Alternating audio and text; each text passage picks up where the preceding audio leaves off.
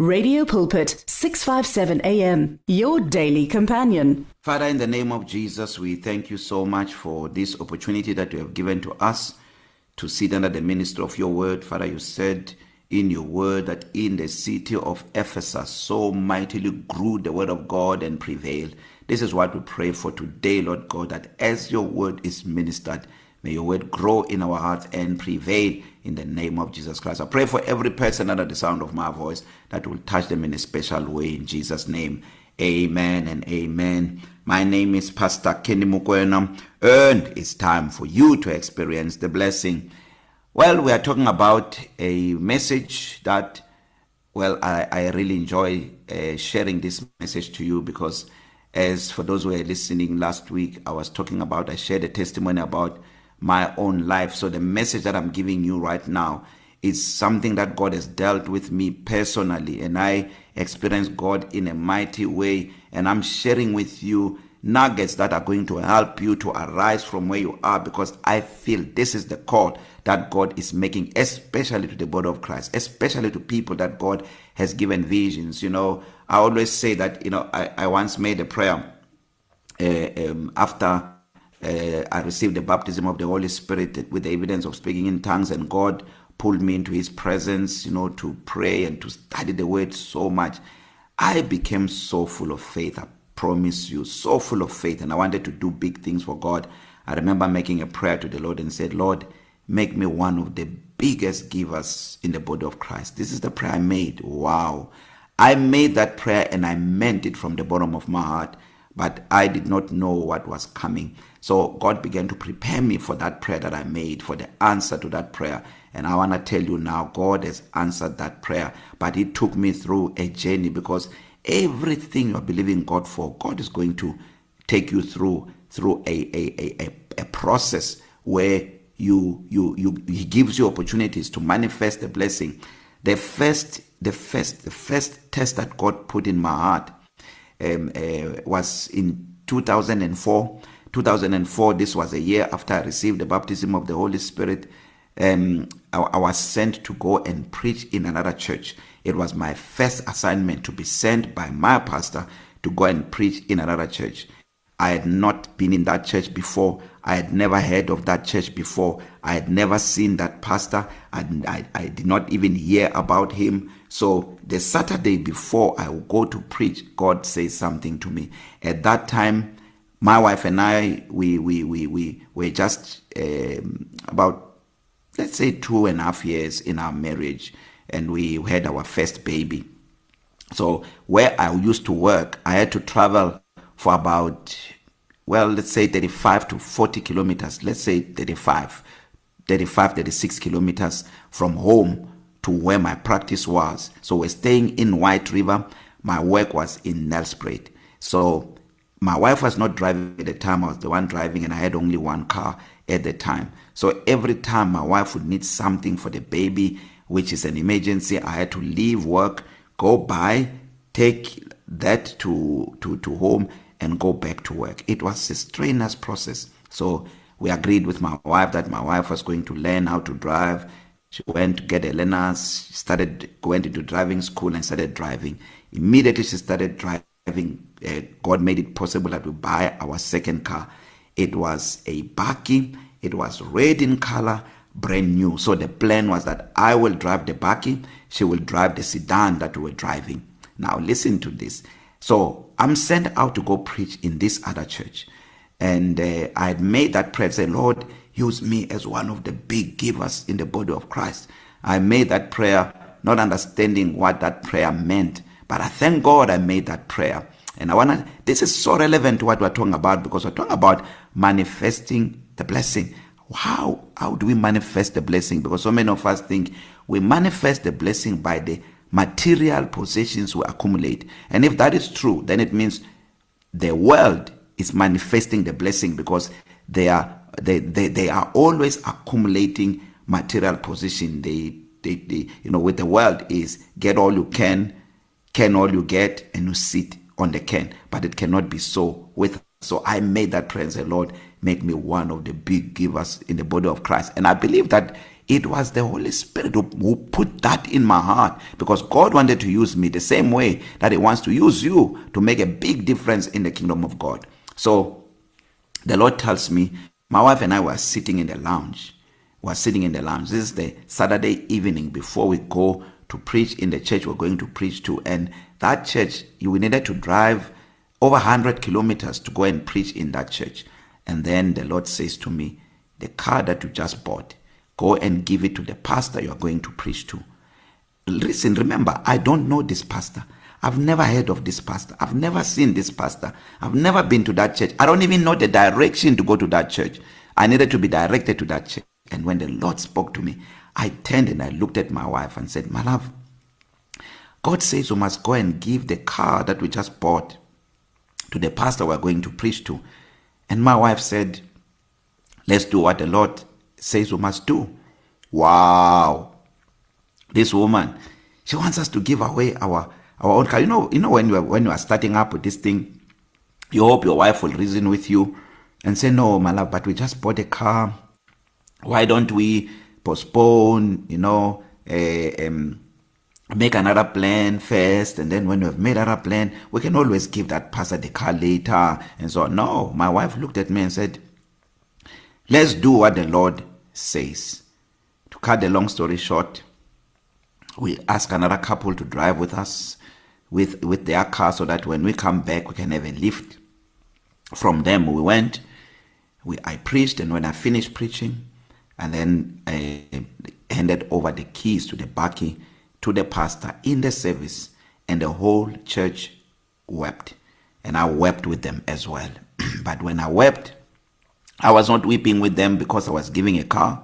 I was weeping with them because I had to start driving my wife all over the places again.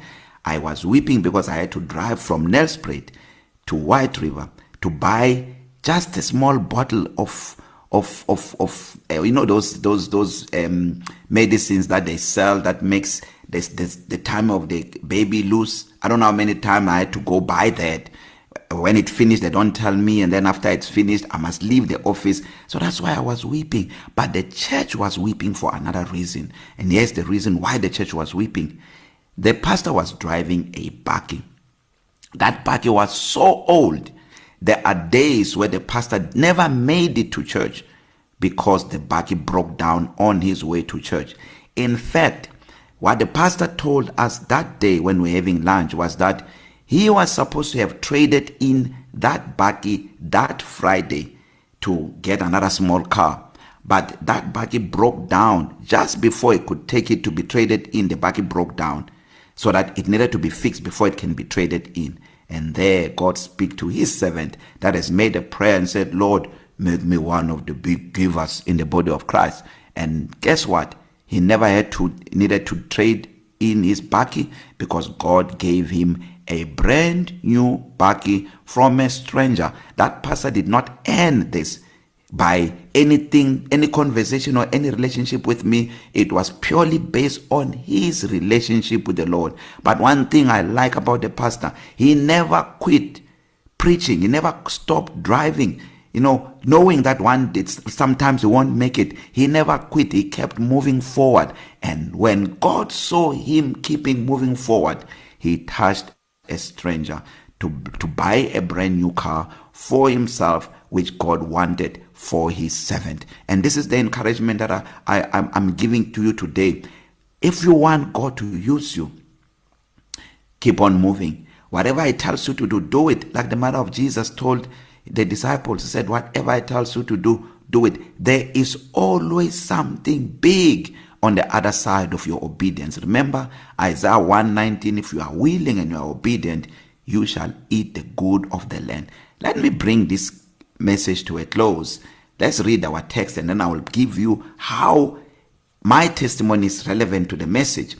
He says, Arise, shine, for your light has come, and the glory of the Lord has risen upon you. I want to tell you this. When my wife gave our first brand new car, we had circumstances that we needed to consider. But God was calling us to arise and manifest the blessing. He blessed us with that brand new car. and it was possible for us to give that car. But we needed that car ourselves because we we were having only one car. My wife has learned how to drive. She has a small baby. She needs to to to to use the car for many many different things. We had our own circumstances. It was such a serious inconvenience that every time my wife needed something i had to drive from work drive for over 30 minutes to home another 30 minutes back to work including another 30 minutes going into the shop to buy what she's looking for. Let me tell you something. We did not consider our circumstances. We did not allow our circumstances to stop what God was trying to do in our lives. We obeyed. We obeyed with joy with gladness and I never told anyone I never told we never told anyone because anybody would have would have would have reasoned us out of it. We obeyed God. When God spoke I only shared it with my wife and then we agreed and we went on to do it. And I want to tell you this I don't know how many cars I've driven since then. I don't know how many cars we have given since that first car. God made it possible for us to give many more cars after that. Not because we have a lot of money but because I made a prayer and said Lord make me one of the big givers in the body of Christ. And God has really challenged us. God has, has, has, has stretched us to give big into the kingdom of God. And today God has blessed us with so many sons and daughters in our ministry that give so generously. We do so much in the body of Christ right now. Our projects are so expensive and God meets each and every one of them. This January for our first crusade we needed over 400,000 to do one crusade for 5 days. And trust me our sons and our daughters came forward. And they gave generously. We were we, when we go to the crusades we don't just go there to preach and leave no we provide food for the people. Our members come forth and they provide food. We provide food parcels. Our members come forth and they and they do that. You know we pro, we, we we give the people clothes. Our members bring clothes in in in in packs upon packs. It is so marvelous to see why why when god said arise shine for your light has come. We did not contend with our circumstances. We did not consider our circumstances. We took a bold step. We made a move. And when we made that move god did the rest. And today we are reaping the harvest of the soul seeds we have sown over many years. We are continuing to manifest the blessing everywhere we go. But god has put us in the test. He he he gave us opportunities where there were circumstances. And god said go forward. And we went forward and every time we went forward God God came through. Let me tell you let me conclude by this. The car that God gave us after that buggy it was a standard buggy it was not a fancy buggy but God gave us a Prado the top of the range that huge one that sits about 7 people with big wheels. So look if you look at it from what we gave and what the Lord gave us Oh my goodness, God is so amazing. I tell you, if you are willing and you are obedient, you shall eat the good of the land. You laying hold on eternal life. Jesus said that that anyone who sacrifice his life for himself and for the sake of the gospel shall receive in this life a hundredfold and in the life that is to come eternal life. This is Mark chapter 10 verse 29 to 31. It says many that are first now. They shall become last and those that are last shall become first. So i encourage you put god first. Take him at his word. When he says go do not consider circumstances. Rise up and go. I've run out of time. I want to pray for you right now. If you're not born again if not made jesus the lord of your life just make this prayer with me. Say lord jesus i receive you now as my lord and my savior. Amen and amen. If you made that prayer you are born again. You are my brother. You are my sister. I will see you in heaven. So I've prepared a powerful and life-changing free salvation material that will guide you on what to do now that you are born again. Request for it is free by sending me a WhatsApp message on plus two seven six six zero six six zero two five zero plus two seven six six zero six six zero two five zero, and I will send it to you right away. I love you so much. God bless you and may you experience the goodness of the Lord every moment of every day. See you again next time. God bless. As easy as the touch of a button, the message of life on 657 AM. If you need prayer, please send your request to prayer at radiopulpit.co.za or WhatsApp 067 429 7564 or go to Radio Pulpit website on www.radiopulpit.co.za. Reach your customers in the car, at the office, at home, or wherever they are, night or day. Through advertising with Radio Pulpit, you can reach a large, unique, and loyal audience in a most affordable way. With over 500,000 people on our various platforms, from Gauteng to the Cape, you simply cannot go wrong. So advertise today. Contact us on 012 334 1339 or for advertising packages that we offer, go to www.radiopulpit.co.za. Terms and conditions apply. You and 657 AM and life. A winning team on the road to eternity.